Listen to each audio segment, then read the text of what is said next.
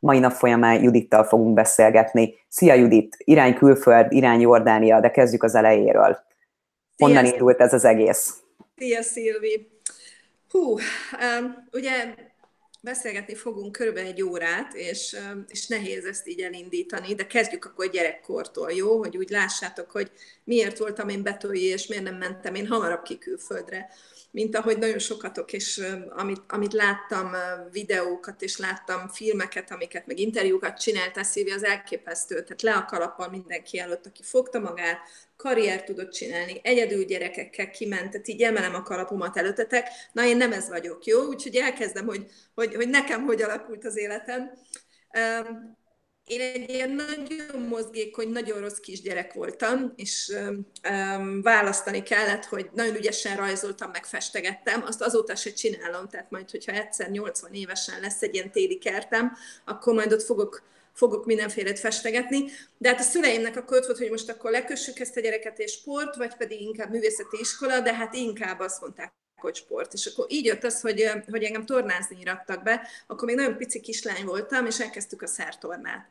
És uh, itt a homlokomon mai napig van egy ilyen dudor, ugyanis fejre estem a gerendán, és, és onnantól kezdve egy éven keresztül sportkórház, utáltam a gerendát, és az egy, nem is fejre estem, én neki mentem fejjel, szóval, hogy ennek legyen vége és akkor állandó hőemelkedésem, agyráztkódás, szóval annak lett egy ilyen elég súlyos következménye, akkor voltam 8 éves, és akkor azt mondták, hogy jó, na akkor ezt a gyereket akkor elviszük művészi tornázni, ahol nincs gerenda.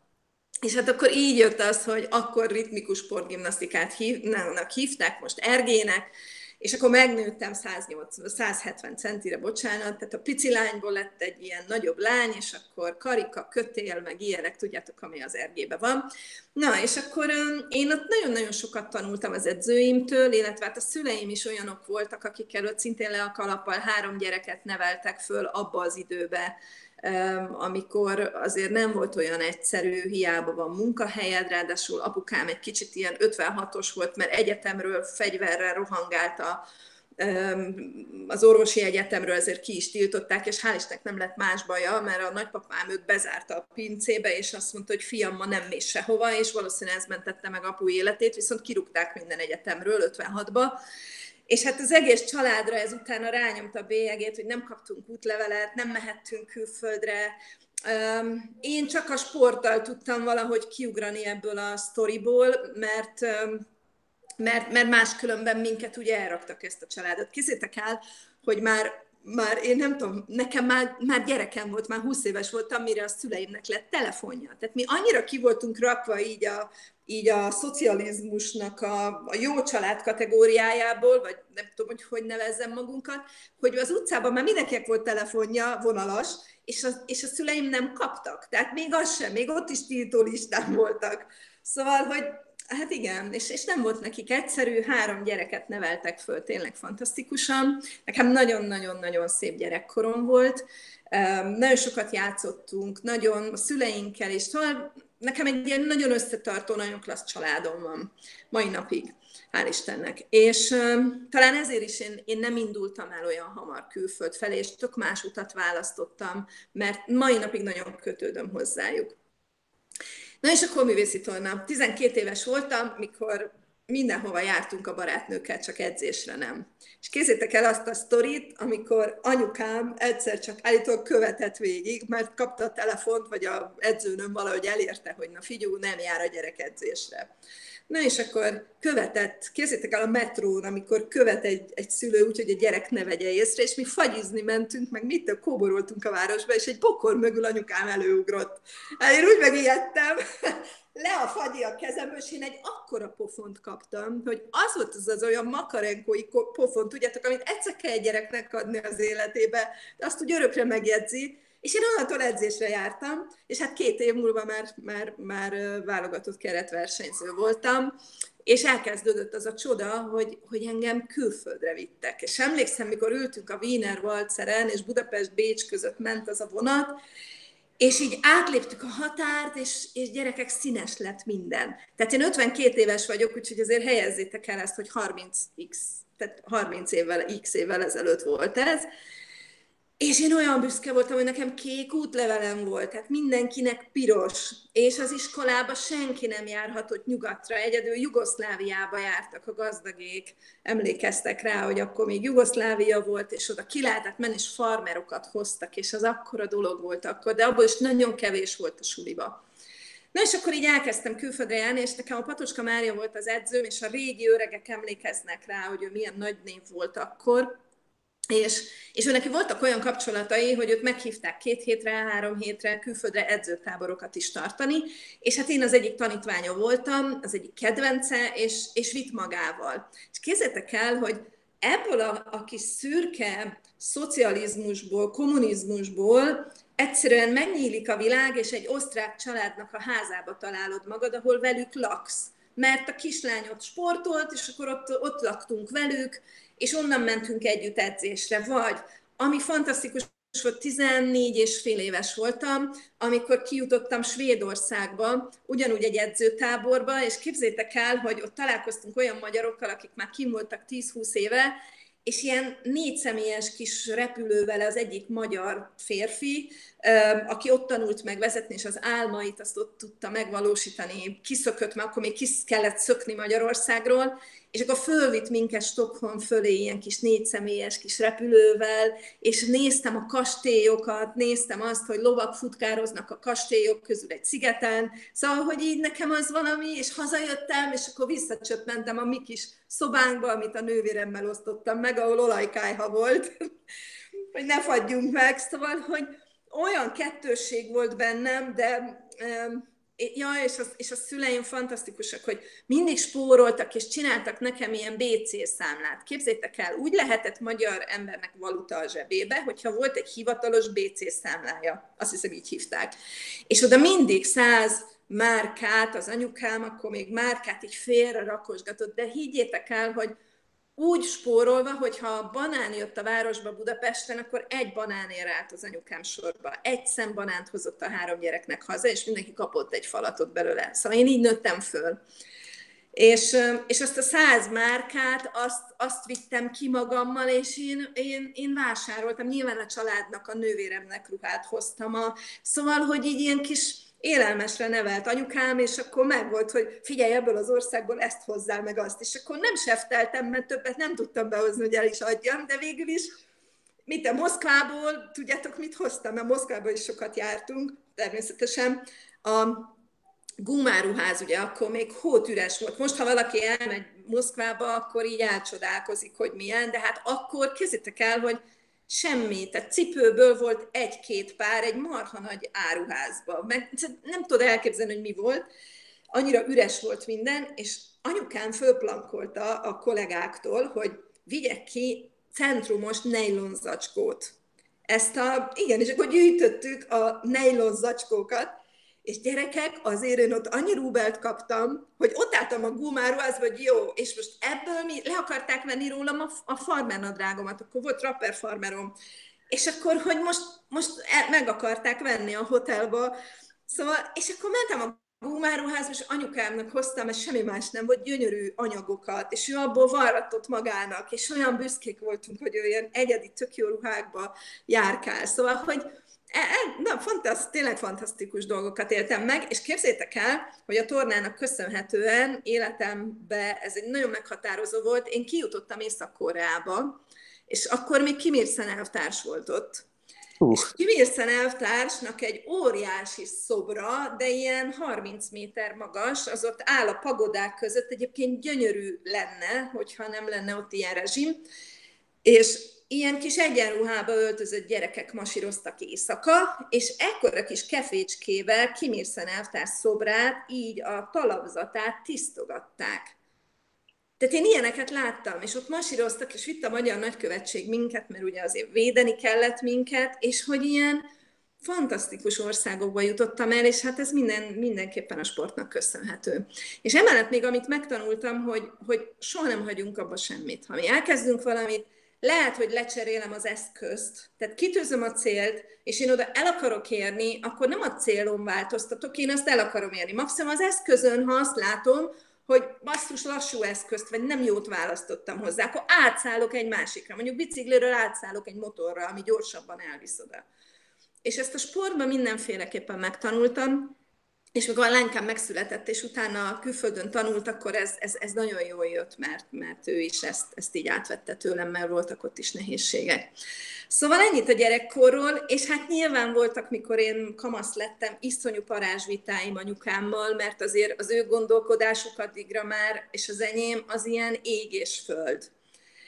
És nem éreztem jól magam a bőrömbe, és menekülni akartam, és külföldre menni, és, és, és és kézzétek el, hogy nagyon furi, mert ugye minden lenyomat, amit mi hallunk a szüleinktől, vagy a nagyszüleinktől, az úgy benne marad a kis tudatalattidban. És az úgy ott van. És ameddig nem jön föl, és te saját magad nem dolgozol azon, hogy az tudatos legyen, addig nem is tudod törölni. És az én apukám, meg az egész családom mindig azt hallottam, mi nem tudunk megtanulni külföldi nyelven, egyiket sem, mert mi nem vagyunk olyanok, és mi ehhez tehetségtelenek vagyunk. Mert ahhoz tehetség kell. Mert mi nem vagyunk olyanok.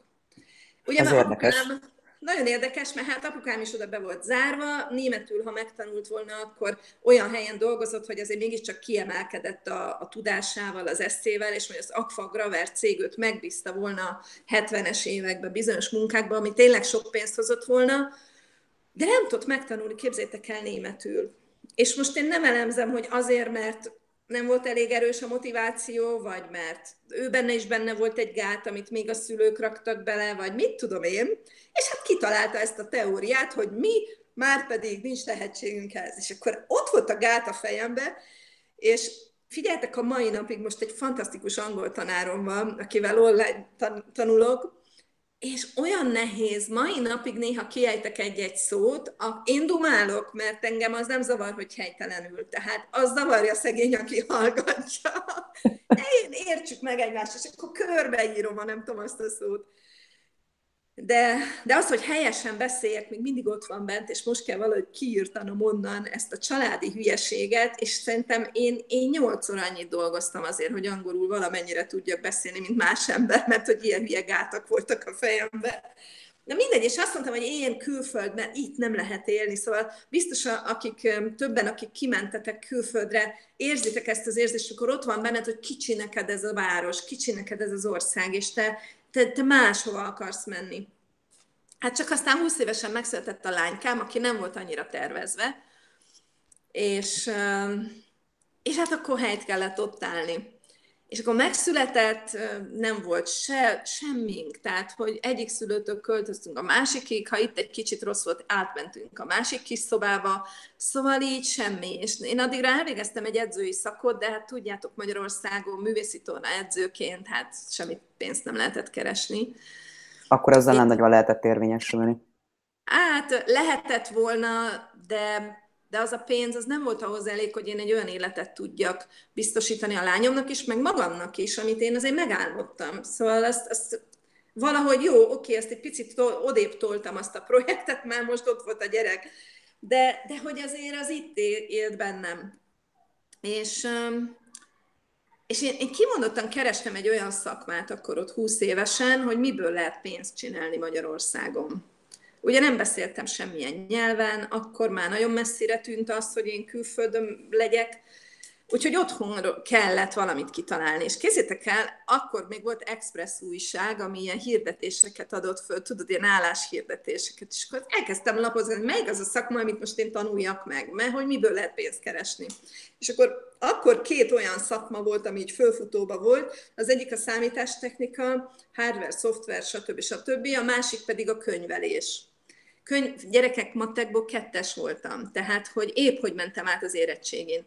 De azt mondtam, hogy elmentem megnézni, hogy milyen tanfolyamok vannak számítástechnikai, és azt mondtam, hogy úristen, ezt nem tudom megtanulni, hát akkor marad a könyvelés. Úgyhogy felhívtam a pénzügyminisztériumot, hogy én könyvelő akarok lenni, tessék már megmondani, hova kell menni fölvételizni. És akkor mondták, hogy menjek a számalkhoz, és akkor majd ott segítenek, hogy hol tudok elvégezni iskolákat, és így tovább. Úgyhogy hát így lettem könyvelő, és mikor írtam azt a szöveget, tudod Szilvia, amit föltettél, oda azért húzattam ki, hogy és olyan szakmát választott, amit szeretett, mert hogy én nem. Tehát, hogy én olyan szakmát kerestem, amiből pénzt lehetett keresni. És én azt gondolom, hogy a túléléshez mai napig az kell, hogy nem biztos, hogy abból tudunk megélni, amit marhára szeretünk csinálni. Meg kell teremteni az alapot, és kell néha olyan munkát vállalni, amit nem szeretünk, hogy később megcsinálhassuk az életünk végéig, amit meg imádunk csinálni. Mert a mai világ ilyen rugalmasnak kell lenni.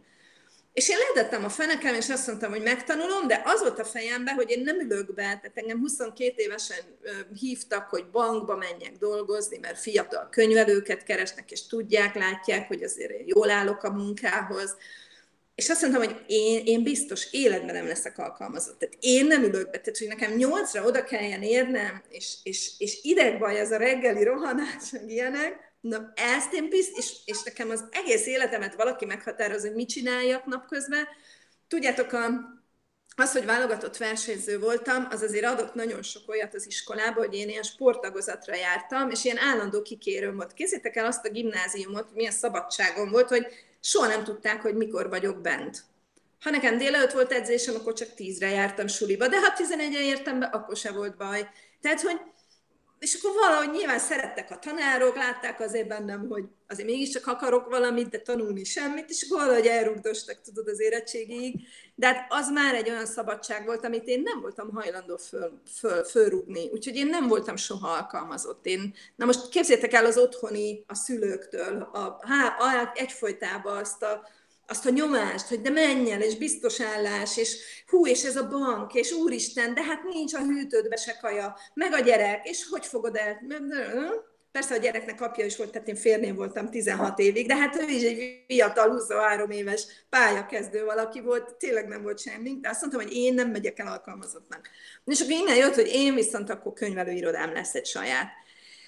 És tudjátok, ez úgy működik, hogy mikor a fejedbe teszed, valahogy megtalálod rá. Tehát, hogyha a célok ott vannak, és nem feladod, akkor, akkor így megtalálod rá az utat, hogy hogyan. Egy vállalkozót nem ismertem. Tehát ez ilyen utopisztikus dolog volt, hogy nekem lesz egy könyvelőirodám, ahol lesznek ügyfeleim, akiket én könyvelhetek. De aztán lett egy, tudjátok, hogy hogy? Amíg tanultam, tartottam aerobikot. Mai napig működik az Andi stúdió a, közel a Alkotmány utcához, ott a sarkon, és hát én ott kezdtem, és amikor pici volt a lányom, meg tanultam a könyvelést, és, tanul, és addig én aerobikot tartottam napi két, három, négy órákat. És hát abból jött valami kis pénz, és akkor mellette tanultam. És akkor utána átmentem egy másik helyre. És ott egyszer, ott, és mindenkivel jóba voltam, beszéltem, és oda jött hozzám egy csajsz, hogy figyelj, nekem van egy olyan ismerősöm, akik most keresnek fiatal könyvelőt. És, és így jött az első, de baromi nagy cég. És ott álltam, mondom, ezt elmerjem vállalni, hát akkor voltam 24 éves. És addigra már volt egy könyvvizsgáló bácsim, aki megjárta tényleg fantasztikus sztorikat, az, az ő élete is, is hihetetlen, hogy Magyarországon ő míg belátott bele még a nagyon komoly kommunista érába, na és én tőle tanultam. És akkor megfogtam, és együtt mentünk el, és mondtam, hogy na ő az, aki engem fog segíteni, és ezért így fölvettek. Hát így lett az első ügyfél. Aztán jött a második, aztán az hozta a következőt, aztán mikor már annyi bevétel volt, akkor fölvettem egy embert, akkor nagyobb irodát béreltem, szóval ez 16 év volt. De akkor viszont, viszont nagyon szépen fejlődtél, és volt egy cél a fejedben, amit ugye lépésről lépésre próbáltál elérni. Igen, igen, csak egyre messzebb került, tudjátok az, hogy én szabad akarok lenni, meg külföld. Tehát, hogy Horvátországban, ha eljutottam nyaralni ez alatt a 16 év alatt, és ott is az adóhivatalt hívtam a tengerpartról, mert hogy éppen valamelyik ügyfélnek zárolták a számláját, és akkor ott muszáj azonnal lépni. Tehát, hogy ez ilyen sehova, sehova nem. Bécsbe talán néha kimentünk, de így, így egyre jobban éreztem, hogy, hogy elmegy az életem, és nagyon szerettem egyébként aztán már csinálni, mert kialakítottam úgy a könyvelőirodámat, hogy nyilván az alkalmazott lányok csinálták azt a munkát, amit nem mondom, hogy nem szeretem, csak hát ez egy favágó munka. Tudjátok, hogy rögzíteni a számlákat rá. De ezt akkor megcsinálta más. Én igazából ott is a ügyfelekkel foglalkoztam, rohangáltam az adóhivatal, ellenőrzésekre, kommunikáltam, ami, ami én vagyok, tehát amit én nagyon megszerettem. De, de én ez a napi, napi 16 óra munka, és közben el is váltam, viszont a lányomat külföldre tudtam juttatni tanulni. Tehát, hogy ő volt az, akinek azt azt tudtam biztosítani, és ez is nagyon érdekesen jött, biztos ismeritek, vagy nem biztos, hogy ismeritek, de ez egy híres suli volt, csak aztán kicsit tönkrement, mert azóta be is zárt. 56-os magyarok Castle-be alakítottak egy európai magyar gimnáziumot. 56-ba. És nagyon-nagyon sokan, akik akkor ugye diszidáltak, azoknak a gyerekeik oda jártak. Ez egy németül is tanultak német tantárgyakat, de a magyar történelmet magyarul, a magyar nyelvtant magyarul, tehát voltak magyarul tartott órák, meg németül, és ez ott a Bajor kis dombok közelébe, gyönyörű, gyönyörű helyen, egy ilyen ezer éve épült kolostorba. És a gyerekek ott is laktak, meg ott volt a suli. És, és templomba jártak vasárnaponként, ami nem baj. és, Ú, ez, ez érdekes lehetett, tehát maga a kinézete, hogy elmesélted meg az gyönyörű, egész hangulata. Gyönyörű volt, tehát mikor először a lányom akkor volt, elkezdte a gimnáziumot Budapesten, és én azt vettem észre, hogy ugye elkezdi élni azt a gimis magyar izét, hogy de este tízig vagy évfélig hadd menjek el bulizni, meg, és 15 és fél éves volt, és és nehéz, nehéz volt nekem szülőként úgy elengedni, hogy te jó ég, itt most mi lesz, és akkor kimentünk, mondom, gyere, hallottam erről a suliról, menjünk ki megnézni. És így beleszerettünk, tehát olyan hangulata volt, hogy egyszerűen a kis bejárat is, tudod, ilyen zegzugos, ahogy bemész egy ilyen régi, de még gyönyörű volt. Na és akkor a lánykám gyorsan németül egy szót se tudott, egy hónapig ilyen gyors német talpaló, és fél év múlva kim volt abba a suliba. És, Igen és hát itt jön az, hogy, hogy ő is, ő lovagolt egyébként, és, és ő benne is azért volt az, hogy nem adunk föl semmit. Ha leesünk alóról, újból felszállunk, még kórház után is, mert többször volt kórházban, mert akkor átesett lóról. De ez egy őrült szenvedély nála, úgyhogy erről soha nem lehetett lebeszélni. Úgyhogy mentünk lovagolni, és, és de azt mondtuk, hogy ha valamit elkezdünk, azt végigcsináljuk. És tudom, hogy volt egy fél év az elején, ami neki is nagyon nehéz volt. Ő ott kint sírt, én otthon sírtam, hál' Istennek hat hetente egy kisbusz összeszedte a budapesti magyar gyerekeket, és hozta haza egy tíz, tíz napra. Tehát így hat hetente, ha már nem bírtam, beugrottam a kocsiba, én mentem, ez olyan ezer kilométer Budapestről, és mondtam neki, hogy mert egy hónap múlva mondta, hogy ő hazajön. Tehát, hogy ez hülyék a osztálytársak, a fiúk hülyék, a, ne, hát a szoká. Kézzétek el, amikor úgy tanítod a gyerekedet mosni, mert a mosógép az még ott nem volt, kézzel. A 15 és fél, 16 éves gyerekedet, aki életében nem mosott kézzel, hogy az oknidat így csinálod, és így csinálsz. Ezt hogy magyarázod el telefonba? Hogy, hogy hogy mosod? És akkor anya, de hogy kell kézzel mosni? Hát életében nem mosott kézzel. És tudom, hogy így, és hát pláne, mit, szerintem egy lakás árát abban az időben telefonálásra elköltöttem, mert nem volt más megoldás még. Most 32 éves a lányom egyébként. És akkor így érted, és akkor így mutattam, hogy összefogod, és akkor így dörzsölöd, meg na, szóval nehéz volt neki is. És mondtam neki, hogy figyelj, Dia, mi tudod, nem azok a feladós fajták vagyunk, egyszerűen fél évet bír ki. Jön a, jön a nyári szünet, ez pont januárban volt, és hát addigra, hál' Istennek lettek barátai, addigra jól érezte magát, addigra már nem az anya mondja meg, hogy haza kell -e jönni hétvégén a buli után hamarabb, vagy nem, hanem ott tízkor bezárták a suli ajtaját, aztán vagy alszol az ágyadba, vagy kinn az erdőbe. De mindenki tudta a faluból, hogy ezek a gyerekekre vigyázni kell, mert ebből suliból laknak. Úgyhogy biztonságban volt. Hát és akkor neki is így kezdődött a kis külföldi élete, tíz évig élt ő is ő külföldön.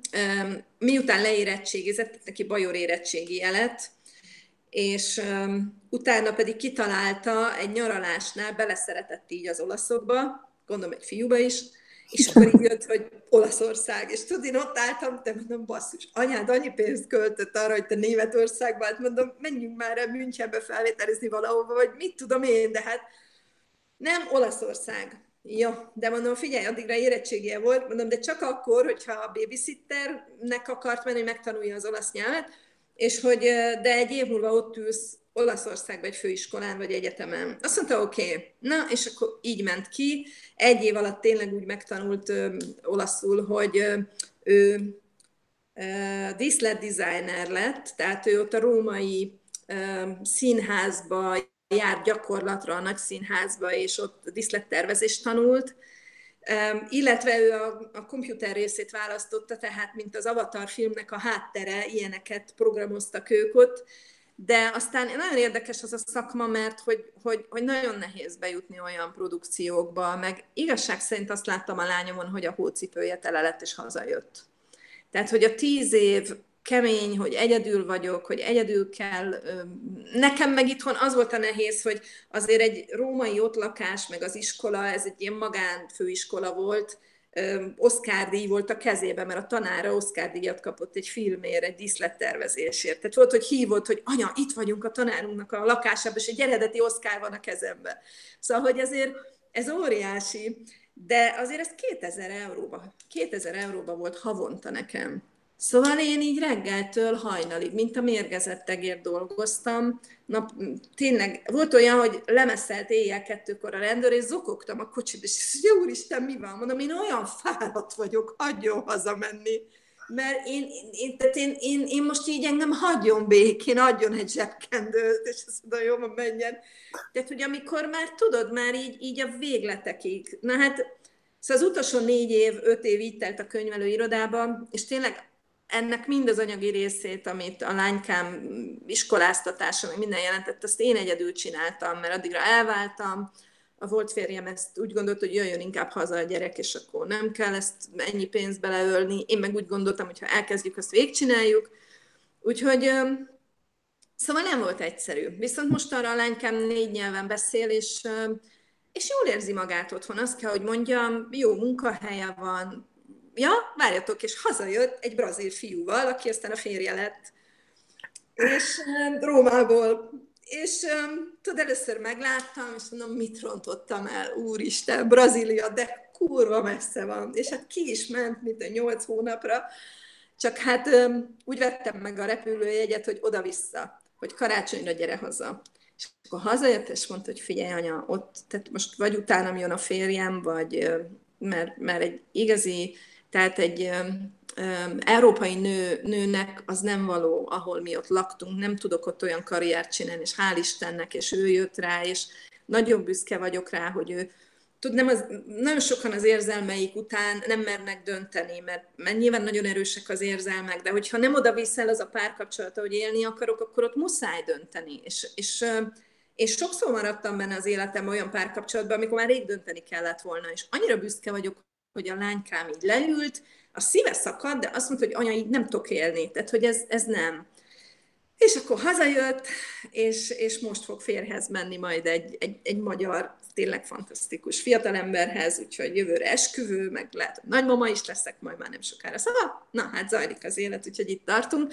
Ő is szeret egyébként most otthon lenni, szerintem ő besokalt, tehát neki ez a tíz év, hogy itt élek, ott élek, a másik, hogy, mint ahogy mondtam, hogy a mi családunk ilyen nagyon összetartó, tehát ilyen kis pihe-puha, segítjük egymást. Persze vannak villongások, mint mindenhol, de imádjuk egymást. Például az öcsém és a nővérem, én a középső vagyok, mi mindig csinálunk tesós napot. És akkor hárman, pedig már felnőttek, a nővérem idősebb nálam, az öcsémnél pici gyerekek vannak, és akkor csak hárman vagyunk valamelyikünknél, az egész család el van paterolva, és főzöcskézünk és dumálunk és megbeszélünk egy csomó mindent, vagy hogy a szüleinket hogy segítsük, kinek mi a reszortja, meg kivel mi van, néha beolvasunk egymásnak, aztán röhögünk, szóval, de hát ez így. Na, szóval ez így tök jó. Um, visszatérve rám, hogy ugye... Bocsánat, én... csak egyetlen egy kérdés, ami felmerült bennem, hogy akkor, ahogy mondtad is, tehát az sem mindegy, hogy otthon mi van. Tehát, hogyha Magyarországon van ugye egy nagyon szoros családi kötődés, akkor ehhez is kell alkalmazkodni, és azért nektek tényleg kimondottan egy, egy szoros kötődésetek van, ahogy látom. Igen, és én amikor kamasz voltam, ezt a kötődést, ezt így rúgtam volna le magamról, tudod, meg amikor fiatal voltam, mert ez olyan terhes volt, mert pont az én szabadságvágyamat korlátozta.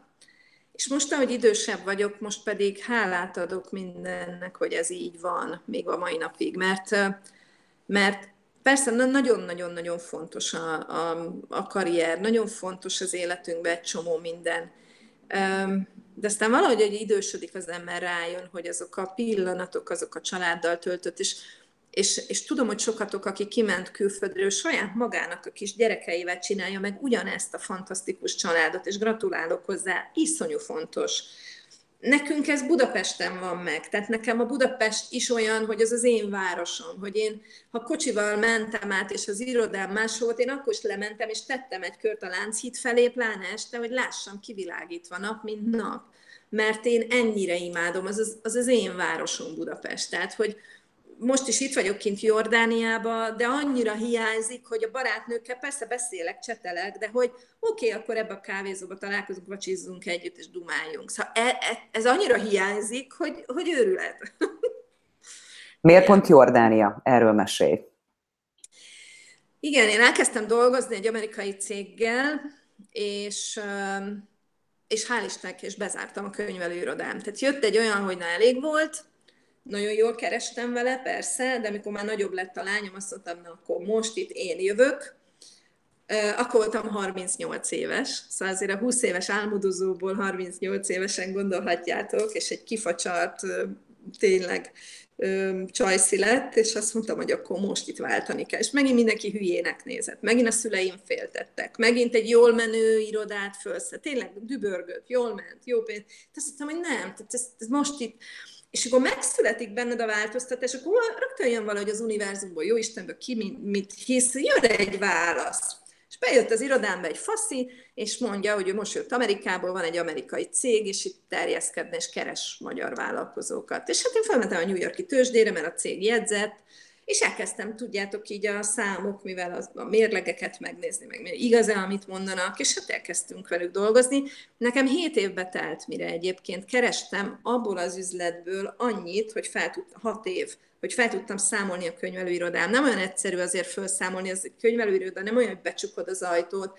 Hát ott végig kell vinni ügyeket, éveket le kell zárni. Aztán, mikor már lezártad, akkor megint fél év, mire mindent kinyomtatsz, mire több évet újból, mire átadod az ügyfélnek, hogy tényleg ne legyen később semmi gond. Tehát az évekig tart, mire egy ilyet be, bezársz. És hát közben meg szintén pörgettem ezt napi pár órában, aztán később többe, hogy, hogy, hogy tudjak, hogy szabad legyek.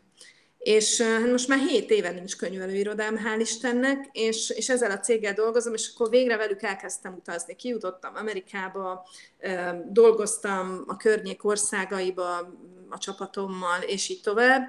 Ez egy anti-aging cég egyébként, és mm, kutatásfejlesztéssel foglalkozik, megyünk ki két évente céglátogatásra, a világ legmodernebb genetikai központja a cég tulajdona. Tehát, hogy, hogy egy ilyen nagyon-nagyon komoly, komoly dolog. Mi marketinggel foglalkozunk, az a, az a dolgunk, hogy piacra tegyük a találmányokat, meg a termékeket, mindegyikhez másképp kell hozzányúlni. Tehát kihívás, izgalmas, embereket kell vezetni, vezetővé kell válni, tanulni kell, tehát hogy egy ilyen tök más, mint amit, amit hoztam, a könyvelésből, de pont emiatt a kihívás miatt imádom. És két évvel ezelőtt itt belülről, tudom, amikor zsigádból érzed, hogy változtatni kell, mondom, online kell menni, muszáj a social médiát használni, és egyszerűen, és, és kidolgoztam egy szisztémát rá, még nem volt teljesen kész tavaly, és hogy jön Jordánia, a párom hazajött, 48 évesen találtam meg azt a férfit, aki a férfi, aki, az igaz, aki olyan, ami négy, évvel, négy és fél évvel ezelőtt, aki, de hát nekem is fejlődnöm kellett, hogy a társa tudjak lenni, tudod, és én 48 éves koromra találtam meg azt a férfit, aki a férfi, aki a társam. És mi már akkor együtt éltünk, és hazajött, és azt mondta, hogy hát Szerike, kineveztek Jordániába, mert ő ennek a térségnek a szakértője, és hogy hát négy évre szól, és most akkor mi lesz? Nem mondom, akkor jó, akkor bontsunk föl egy bort, üljünk le, öntsél nekem, és akkor még egyszer mondd el, egyáltalán hol van Jordánia? De hát a arabok élnek. És akkor ott én nőként, tehát hogy hogy? És mondta, hogy hidd el, ez nem az az arab ország, oda nem is vinnélek, tehát Szaudarábiába persze nem vinnélek, de, de, de ez nem, és akkor könyveket vettem, megnéztem, de addigra már nekem online működött a vállalkozásom. Tehát nem volt gond. Most kézzétek el, hogyha nekem könyvelőirodám lett volna, és választanom kellett volna, hogy vagy a párom, vagy a vállalkozásom, amit már felépítettem X nem tudom mióta, hogy ezt így hogy. Tehát hál' Istennek valahogy így a megérzéseimre mindig hallgattam az elmúlt 40 évemben, és úgy éreztem, hogy mikor kell lépni. És és jókor léptem tényleg ezzel a social médiával, jókor léptem ezekbe, pedig akkor még nem is voltam helyzetbe hozva, és rá másfél évre helyzetbe voltam hozva, és Jordánia. Úgyhogy én most, én most nagyon élvezem, mert nem úgy, ugye hiányzik a család, de nem úgy vagyok külföldön, hogy, hogy na, akkor most évekig lehetett volna azt választani, és akkor itt én még ilyen fizetést is kaptam volna, hogy a feleség, aki itt él. De én mondtam, hogy, hogy én nem kérem ezt a fizetést, én jönni-menni akarok.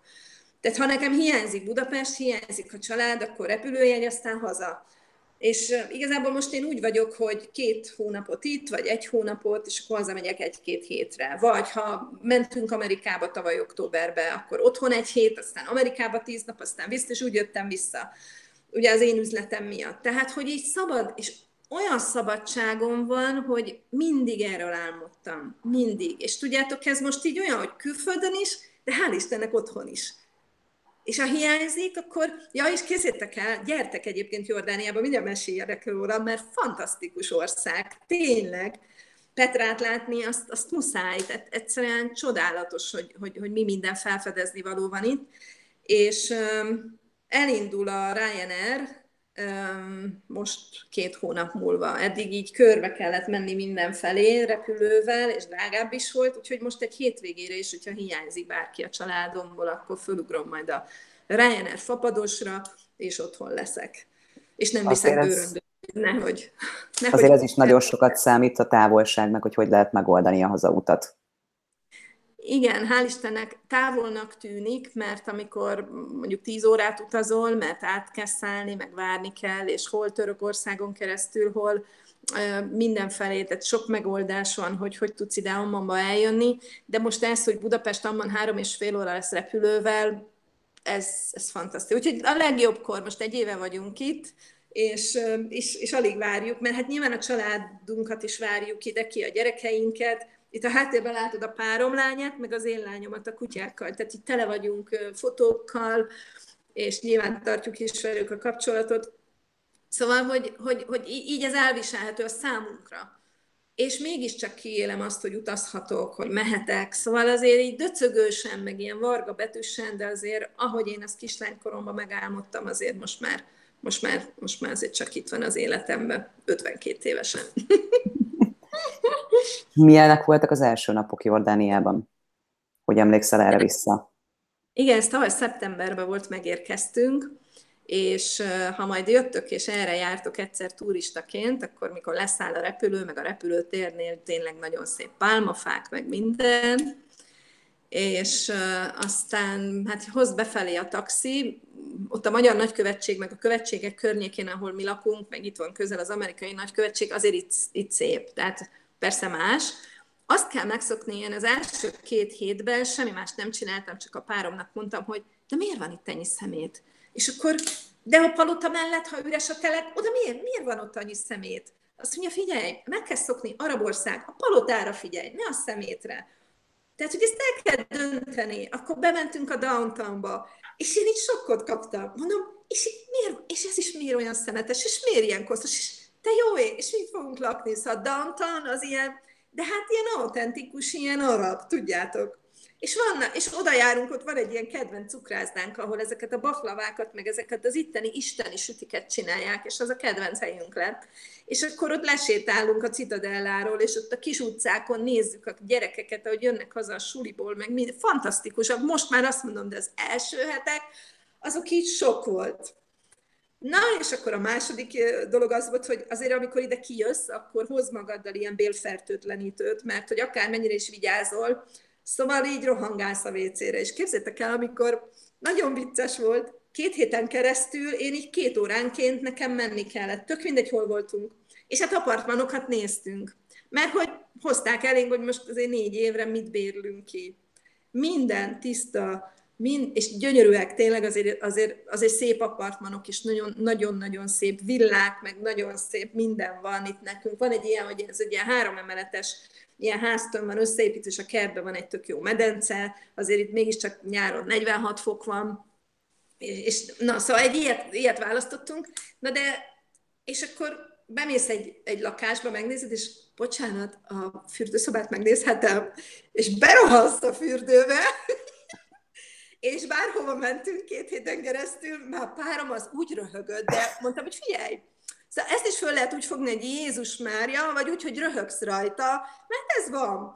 És szerintem abba, abba zseniálisak vagytok, akik ti is külföldön kezdtetek új életet, hogy amit itt hallottam élethelyzeteteket, hogy miket oldotok meg a gyerekekkel, meg minden, ha ilyen vagy rugalmas, és nincsen humorérzéked, akkor szerintem menekülne mindenki haza. Tehát biztos vagyok benne, hogy ez kell hozzá. Úgyhogy mi itt szakadra rögtük magunkat, hogy na itt is szép volt a WC, ezt a apartman nem béreljük ki. És akkor Szóval igen, a párom, mivel ő már volt arab országban, neki ez két nap alatt végigment rajta, mert a bélbolyhai hamarabb emlékeztek rá, hogy itt hogy kell működni. Egyébként nagyon érdekes, mert tényleg ez történik, hogy így átáll a bélbolyhod, és akkor utána meg már bármikor jössz vissza, már, már bírod. Nyilván nem iszol a csapból vizet, de hát megmosod a salátát. Egyébként minden kapható, fantasztikus jó fejek a jordánok, mondom én, amit én tapasztalok. De azért, ha olvassuk az újságot, akkor tök furi, mert most törölték el még csak azt a törvényt itt, hogy ha egy férfi megerőszakol egy nőt, akkor ha elveszi feleségül, akkor nem lehet büntetni érte. És ezt képzétek el, hogy most törölték el fél évvel ezelőtt ebbe az országba. Úgyhogy ezek a, a, az igazi Jordán, főleg vidéken élő hölgyek azért akarják magukat, meg azért ne, nem ilyen teljesen lehet, tehát itt nem ilyen ruhába járnak, hanem a fejükre elkendőt kötnek hosszú ruhába, főleg vidéken, mert, mert ott tényleg védik ezzel a ruhával magukat, mert ott, ha egy férfi ránéz, hogy fú, de csinos vagy, és ott történik valami, akkor az egész élete el van cseszve, mert akkor ahhoz a férfihez hozzá kell mennie. Szóval, hogy ez így nagyon furi. De ugyanakkor meg itt is vannak olyan modern családok, főleg vannak keresztény családok is, ahol rendes t járnak a csajok, meg így, ahogy én most vagyok, meg farmer nadrágban, és semmi nincs belőle. Um, ami viszont Jordániával kapcsolatban fantasztikus, és, és ez, ennek, ez tényleg egy ilyen rácsodálkozás volt, nem tudom, hogy más országban ez hogy van majd, de ezt így mondjátok el, akik utána jöttök majd, és van tapasztalatotok, hogy itt működik egy Jordán-Magyar klub, amit olyan jordánok hoztak létre, akik 30 éve Magyarországon végeztek, az orvosi egyetemen, vagy a műszaki egyetemen, gyönyörűen beszélik a magyart. Van, akinek magyar felesége van, és ezek a hölgyek itt laknak, 30, és készítettek el 30 évvel ezelőtt ide kijönni. Követni a férjedet. Oh hogy olyan beszélgetéseim vannak ezekkel a hölgyekkel, ezek olyan erős, olyan fantasztikus csajok, hogy majd, majd én gondoltam, majd így valahogy idehozom nektek őket, hogy mondják el, hogy 30 évben meg milyen élet van itt, vagy volt itt az elmúlt 30 évben. Vagy hogy, hogy, hogy otthon hogy mutatták be mondjuk az arab Jordán férje, vagy fiút, akibe beleszerettem az egyetemen, szóval, hogy, és hogy mertek ide kijönni? Olyan történetek vannak, hogy elképesztőek. És a gyerekeik jó része most Magyarországon jár egyetemre, imádják Magyarországot, könnyes a szemük a fickóknak is, a jordán fickóknak, akik azt mondják, hogy ők annyit kaptak Magyarországtól, hogy ők, ő nekik az a második hazájuk, tehát ők hazamennek.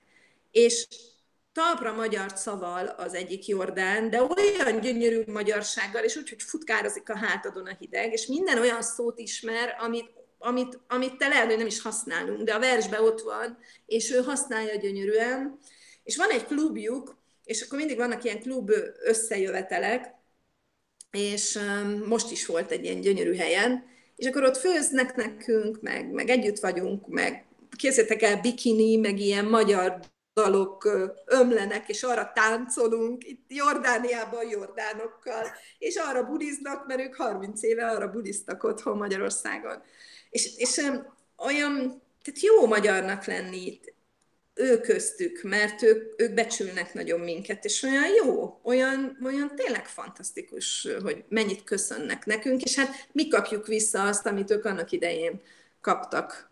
Jó, aztán én politikai dologban nem mennék bele, hogy ők hogy tudtak oda kijutni, hogy akkor a magyar állam, de ezzel szerintem nekünk nem is kell foglalkozni. Viszont Amman főépítésze gyönyörűen beszél magyarul. Hmm. Szóval, hogy ilyen nagyon furi. Na hát egy ilyen közegben vagyunk, nagyon élvezem. Hozzáteszem, hogy ha itt most megfordítanám, itt van az irodám, épp mutattam Szilvinek itt a konyhapulton, mert ugye online dolgozom a csapatommal, egyébként 22 országban vannak most már, most már csapataim, és, és innen irányítok mindent. Nagyon élvezem, reggel, mikor párom elmegy dolgozni, megnyitom az irodámat, lehet, hogy nincs rajtam csak egy ilyen strandkendő, mert kint 35 fok van, és éppen iszogatom ugye a kávémat, és dolgozom, és um, um, emberekkel beszélek, és uh, toborzok, és um, mert ugye keresem folyamatosan azokat, akik szeretnének velünk dolgozni. Egyébként erről a projektről annyit, hogy én nekem nem tudom miért, már három vagy két évvel ezelőtt az volt a fejemben, hogy az volt a cél, hogy én magyar emberekkel szeretnék dolgozni, tök mindegy, hol laknak. És egy olyan rendszert hozzak létre, hogy tudjanak pénzt keresni. Akkor is, ha egy pici faluba élnek Magyarországon, meg tudják tanulni egyszerű lépésekből, akkor is, ha Budapesten, akkor is, ha Debrecenbe, akkor is, ha Sydneybe, akkor is, ha Németországban, tehát 50 országban tudunk dolgozni, ezt a hátteret adja nekünk ez a cég, és egyszerűen az volt a cél, hogy magyar ember, ha csak napi pár órában ő oszta be az idejét, tudjon velünk pénzt keresni otthonról, és ez tök mindegy, hogy ő éppen hol ül.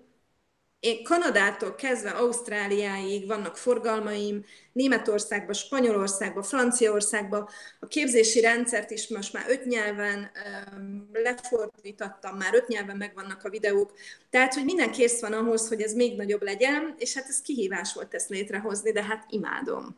És hát, hát te osztod be az idődet, ami azért a egyik legnagyobb előnye ennek.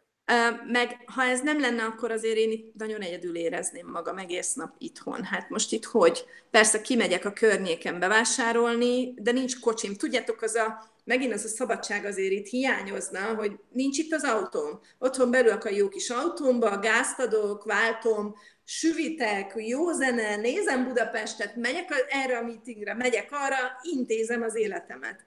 Hát azért az itt nincsen. Páromnak van egy szolgálati kocsija, én azt nem is akarom itt vezetni, mert gyerekek, ami itt közlekedés van, szóval én nagyon jól vezetek, de három sáv és hat autó egyszerre tülekszik egy folytában, és akinek előbbrébb van egy centivel az orra, az nyer, és nem szabad, mondták itt, hogy nem szabad hátra pillantani, nem szabad használni, mindig előre, és ha te vagy előbbrébb, akkor nyersz, akkor te mehetsz. Tehát nem szabad, mert itt se jobb szabály, se izé mindenhonnan vágnak belé. Őrület. Hú, azért ehhez nehezen lehet hozzászokni, az biztos, ez teljesen más, mint Magyarországon. Igen, de hát itt is akkorákat szoktunk röhögni, szóval, hogy mi eldöntöttük, hogy mi itt boldogok leszünk, és ők ilyenek, és akkor már csak mondjuk, hogy nézd már, ez is most mit csinál, és akkor így megyünk tovább, szóval, hogy jó minden. Igen. És a közösségen kívül, ugye Jordán-magyar közösségen kívül, milyen tapasztalataid vannak így az emberekkel? Um, szeretik a külföldieket, mert nincs semmiük, ebből élnek. Se olajuk, se vízük, semmiük a sivatag. És, és mondjuk drága ország, tehát ezért kevés, kevesebb turista jön, mint régebben, de, de itt van egy csodálatos Petrájuk, amit, amit látni kell, addig senki nem hallhat meg még ne. Tehát ez valami olyan élmény Petrát megnézni. Van egy vörös tengerük, amire jó azt mondja az ember, hogy sokkal olcsóbban ott van Egyiptom is. Ö, igen, lehet Egyiptomba is menni, tehát nem biztos, hogy a vörös tenger miatt, de mondjuk a Nébó hegyet azért látni kell itt Amman környékén. Szóval egy hetet itt nagyon klasszul tíz napot el lehet tölteni. Én még mindig turista vagyok, én tudjátok, tehát én nem az vagyok, aki ide költöztem, és mi azért ezt így is fogjuk föl. Mi itt most nyaralunk majd, hogy nem négy évig. Persze közben dolgozunk is, de igazából minden hétvégén olyan, mindig jön valaki Magyarországról, vagy munkatársak, vagy, és akkor mindig elvisszük őket újból a Nébó hegyre, és akkor jót kajolunk közben, jókat röhögünk. Szóval, hogy, hogy mi azért azt tudjuk a fejünkbe, hogy, hogy ez nem végleges, és emiatt marha pozitív minden. Ha itt kéne élnem, és tudnám, hogy én most mondjuk 30 évvel ezelőtt ide férhez jöttem volna, én nem lettem volna erős, hogy ezt itt bírjam. Mert mert, mert fura a szerkezete a családoknak, pláne ahol ugye nem keresztény családba kerül egy-egy magyar hölgy, mert ilyen is nagyon sok van. Nincs bántalmazás, tehát nincs ez a sztereotípiát, vegyük ki a fejünkbe, hogy minden arab család ilyen vagy olyan. De azért vannak olyan szabályok, ami tök más, mint otthon nekünk. A nőnek igenis nagyon komoly feladatai vannak, és, és, és nem gondolkozhat szabadon, vagy ide megyek, oda megyek, hanem a nőnek meg vagy otthon. Én ezt nem bírtam volna. Szóval, hogy... ez nem nekünk való. Ez nem nekünk való, nem, nem, nem. Tehát így érzem jól magam, hogy szabad vagyok.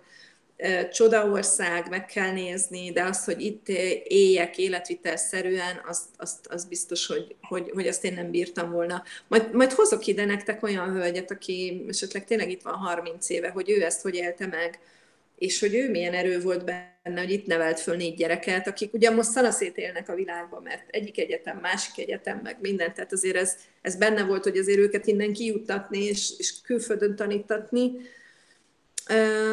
És vannak, akik gyönyörűen élnek mai napig, és tündéri házas pár, van egy ilyen idős 65 éves, ahogy táncolnak egymással, ahogy még úriember a férje, aki Jordán orvos, és fantasztikus édesek. Tudod, a testbeszédből annyi minden látszik. Aztán vannak persze nem ennyire szép sztorik is, de hát minden párkapcsolatban vannak hullámvölgyek, van, aki azóta elvált, de mégis itt él azóta is. Tehát fantasztikus hölgyek vannak, én, én nem bírnám. Pont emiatt, hogy ja, például, ha fölvennél egy ilyen, és a downtownba mész le, akkor úgy néznek rád a jordán férfiak, hogy nem szereted azt a nézést. Otthon, ha végigmész egy csinos ruhába, és úgy néz rád egy férfi, akkor elkönyveled, hogy nagy csinos vagyok. És akkor lesz egy jó napod nőként, nem? Szóval, hogy úgy, hm. de itt nem úgy néz rád egy jordán férfi, tehát inkább eltakarod magad, mert még nem fejtettem meg, nem tudom, mi van abban a nézésben, de nem jó érzés. Ha azt nézzük, hogy egy jordán-jordán férfi. És akkor egy kicsit ilyen megbotránkozóan is, meg ők mit tudom én, mit gondolnak az európai nőkről. Szóval igen, akkor úgy azért magadra húzol valamit, és így betakarod jobban magad. És ez, ez, ez kevésbé jó érzés azért itt. De hát, és ahhoz képest, hogy arab ország, nyilván ez máshol, ez még, még, még jobban így van. Bármi olyan jellegű, amit most erre rá kell, hogy kérdezzek, hogy olyan, ami neked itt tényleg negatív az ilyen nézésen kívül.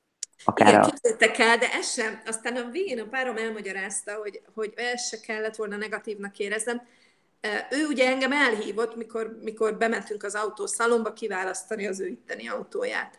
És hát nálunk ez normális, hogy a párodat behívott, hogy nézd meg a színét, nézd meg, hogy izé, meg hát egyáltalán ez egy normális európai gondolkodás szerintem.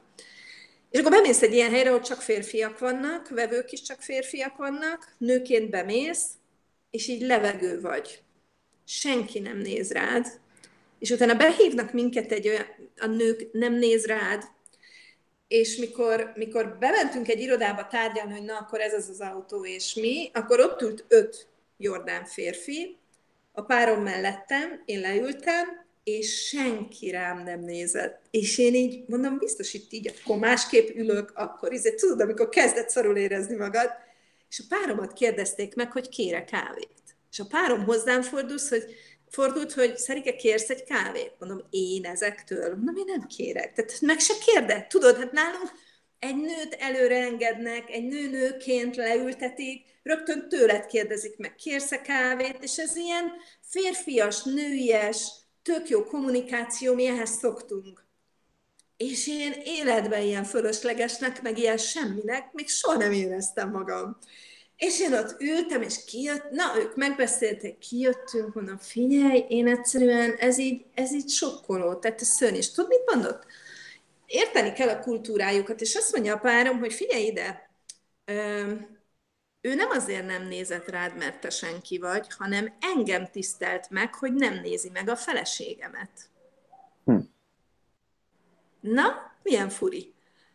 És én ott gondolkoztam, és mondom, figyelj, legközelebb én olyan büszkén ülök melletted, mert téged emelnek így föl. Én akkor nagyasszony leszek, én leszek a madám, és akkor én ebben tök jó, és azóta én ezt tudom kezelni. És azóta én vagyok a madám. És, és így is hívnak egyébként, olyan furi volt, hogy itt bemész valahol madám, és akkor jó, hát akkor én vagyok a madám. És akkor tudom, hogyha nagyon tisztelni akarják a férfit, akkor még csak véletlenül se pillant rá a feleségére. Tudja, hogy ott vagy, de nem mer, mert hogy, na, úgyhogy szóval ilyen egész furcsa dolgokat azért tanul itt az ember, ami érdekes. Szerintem te is akkor alátámasztottad azzal, hogyha valaki külföldre ugye költözik, akár rövid, akár hosszú céllal egy teljesen más kultúrába, azért a párkapcsolatnak nagyon-nagyon erősnek kell lennie, mert hogyha nektek ugye például nem erős a párkapcsolatotok, akkor lehet, hogy te erre rá se kérdezel, hanem ez benned marad, vagy hogy ő nem tudja így elmondani, hogy tényleg értsd, és teljesen máshogy lásd. Igen, ugye én én nagyon sokat fejlődtem azon a, a párkapcsolati szinteken is. Tehát volt rosszabb, hosszabb ideig, rövidebb ideig, bár nem sok, de 8 év, volt a 16 éves házasságom, 8 év, aztán 4 év, aztán már egy év, aztán utána már el tudtam egy nap alatt dönteni, hogy igen vagy nem. Azon rögtünk a barátnőkkel, hogy az ember megérik rá, hogy mit akar, meg mit nem akar, és de már egy nap alatt tud dönteni. És ez, ez is egy szabadság egyébként, mikor már, igen, tudod, hogy na, igen, tényleg ez egy, ez egy, ez egy választóvonal, hogy, hogy amikor kikerül az ember így külföldre, pláne élni, akik azt választják, hogy fiatalon kimennek és egymásra hagyatkozva, pláne gyerekek jönnek, ott nincs nagyszülő. Én nem is értem, hogy hogy tudjátok csinálni. Egy le a kalappal, tényleg, oda nagyon erős párkapcsolat kell, hogy az, az, az, az ott nagyon, tehát oda tényleg. Én most a csapatomban vannak olyan hölgyek, akik egyedülállóak és külföldön élnek, és ugye a gyerekük már oda, ott született, és egyedül maradtak.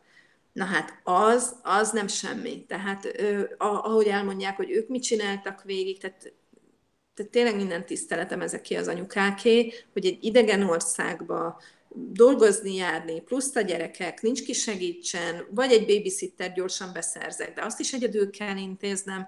Szóval ez, ez szörnyű lehet. Nekünk is én azt gondolom a párkapcsolatunkban egy kérdőjel volt, hogy mi ezt hogy, hogy bírjuk, de, de, de mégse volt kérdőjel, mert eszünkben nem, legalábbis az én eszemben nem jutott, hogy ez annyira szeretünk együtt lenni, és annyira jó, hogy, hogy, hogy így valahogy föl sem merül, most a párom látta rajtam, hogy egy kicsit, most jöttünk vissza egy hónapja, vagy én már nem is tudom, és most lesz egy ilyen vezetőképző három nap otthon, és itt raktuk össze, hogy mit tanítsunk az embereiknek, mert azért néha offline is azért vagyunk. És kiította a laptopját, és mire befejeztem, addig nézd csak, néztem neked repülőjegyet. Pedig mondtam neki, hogy nem biztos, hogy haza kéne nekem mennem, de ő már nézte, azt mondja, figyelj, szerintem jobb lett. Tehát érezte rajtam, hogy, és már vettük is a repjegyet, és, és, és ez nálunk szintén nem probléma, hogyha nekik kell nem tudom hány hétre valahova menni, vagy nekem, de én tudom, hogy ez azért van, mert azért nekünk már felnőtt gyerekeink vannak. Tehát könnyebb nekünk jó párkapcsolatot ápolni, mert nincsenek ezek a napi dolgok, amit egy gyerek körül meg kell oldani például. Tehát én azért ezt, ezt tudom, hogy nem mi vagyunk, én, én magamat azt gondolom, nem én vagyok most már ilyen marha okos, hogy ezt jól csinálom, könnyű jól csinálni, mert, mert olyan, mint hogyha ilyen mézes heteink lennének, mert nincs az a felelősség már pluszba, ami terhelne minket, mert nagyok a gyerekeink. Úgyhogy innen már csak jutalomjáték, úgyhogy akarjatok 50 évesek lenni, mert tök jó. Tehát onnantól ilyen jutalomjáték az élet, ha jól, ha jól döntöttél, és egy csomó jó döntést hoztál. Úgyhogy szerintem a lányaink, ha majd szülnek egy-két éven belül, akkor tök jó lesz együtt nagyon nagypapának lenni. Szóval, hogy ez ilyen kis, a következő én azt gondolom, 40 évünk, 50 évünk az ilyen, ilyen nagyon klassz jutalomjáték lesz, de teszünk is érte nyilván, és fejlődünk és tanulunk. Meg ahogy említetted, azért az gondolom nagy könnyebbség volt a döntésben. Persze párkapcsolatnak is erősnek kell lennie, meg akarni is kell, meg fel kell készülni egy nagy lépésre, de hogy te azt tudtad mondani, hogy igenis akkor tudok menni Jordániába. Tehát azért ez a nagy könnyebbség volt. Ez, ez, ez nagyon fontos volt, mert mert azért az, az én életemért, az én üzletemért azért én vagyok a felelős, és én azért valamit létrehoztam. És azt csak úgy sútba dobni egy párkapcsolatért, az megint egy ilyen nagyon nehéz döntés lett volna. De itt nem kellett dönteni. Sőt, még jót is tett az üzletemnek, mert mindenkinek be tudtam bizonyítani, hogy gyerekek, ezt, ezt bárhonnan lehet csinálni. Mert otthon Budapesten ülve, tudod, még a embereim esetleg nem hitték el, de most, hogy így én itt vagyok, és mégis megy minden tovább, és nő a csapat, és tök jól dolgozunk, most már így ők is jobban megértették. Igen. És összességében te hogy érzed magad így Jordániában, hogy mennyire találtad meg egy év alatt a helyedet? Én nagyon megtaláltam, tehát nagyon jól érzem magam. Most már vannak itt barátaink, magyarok is, jordánok is, magyarok, akik itt élnek és dolgoznak, ők is pár évig azt látom rajtuk, hogy, hogy szeretnek itt lenni, a gyerekek tök jó suliba járnak, tehát itt van amerikai, francia iskola, és, és azért azt, azt a kisebb gyerekeknek ez egy óriási dolog, de ők is pontosan tudják, hogy pár év, azzal a teszt hozzuk ebből ki, aztán megyünk haza. Tehát én egy más közegbe vagyok, tudom, hogy teljesen másban, mint, mint az a közeg, akik úgy tartanak fönn magyar klubot, mondjuk Sydneybe, hogy, hogy tényleg marha messze vagyok Budapesttől, meg a családtól, meg, meg Magyarországtól, biztos, hogy egészen, egészen, egészen más. Nekem itt könnyebb így jól érezni magam. Tehát én, én, én nagyon jól vagyok, de nagyon kell hozzá ez a szabadság, amit ad az üzletem, hogy saját pénzem van belőle, hogy saját döntésem, hogy most épp Amerikában van rendezvény, akkor oda megyek, vagy találkozom valakivel, vagy, vagy, vagy, vagy, vagy bármit csinálok, akkor én szabad vagyok, és az én döntésem. És, és így, így nagyon könnyű bárhol boldognak lenni, én azt gondolom. Igen. Én az elmondottak alapján úgy látom, hogy elég sokat tettél is érte. Én nagyon szépen köszönöm akkor Judit a beszélgetést, és hogy ennyi mindent megosztottál velünk, és akkor további szép vasárnapot kívánok neked. Nagyon szépen köszönöm, és mindenkinek, mindenkinek nagyon szépen köszönöm, aki, aki megnézi, illetve én is nézem a következőket is, és nagyon szépen köszönjük Szilvi, hogy ezt létrehoztad, nagyon izgalmas, nagyon érdekes, nagyon sokat lehet tanulni mindenkinek az életéből, úgyhogy én is köszönöm. Köszönöm szépen akkor a lehetőséget, szia, szia! Szia, szia!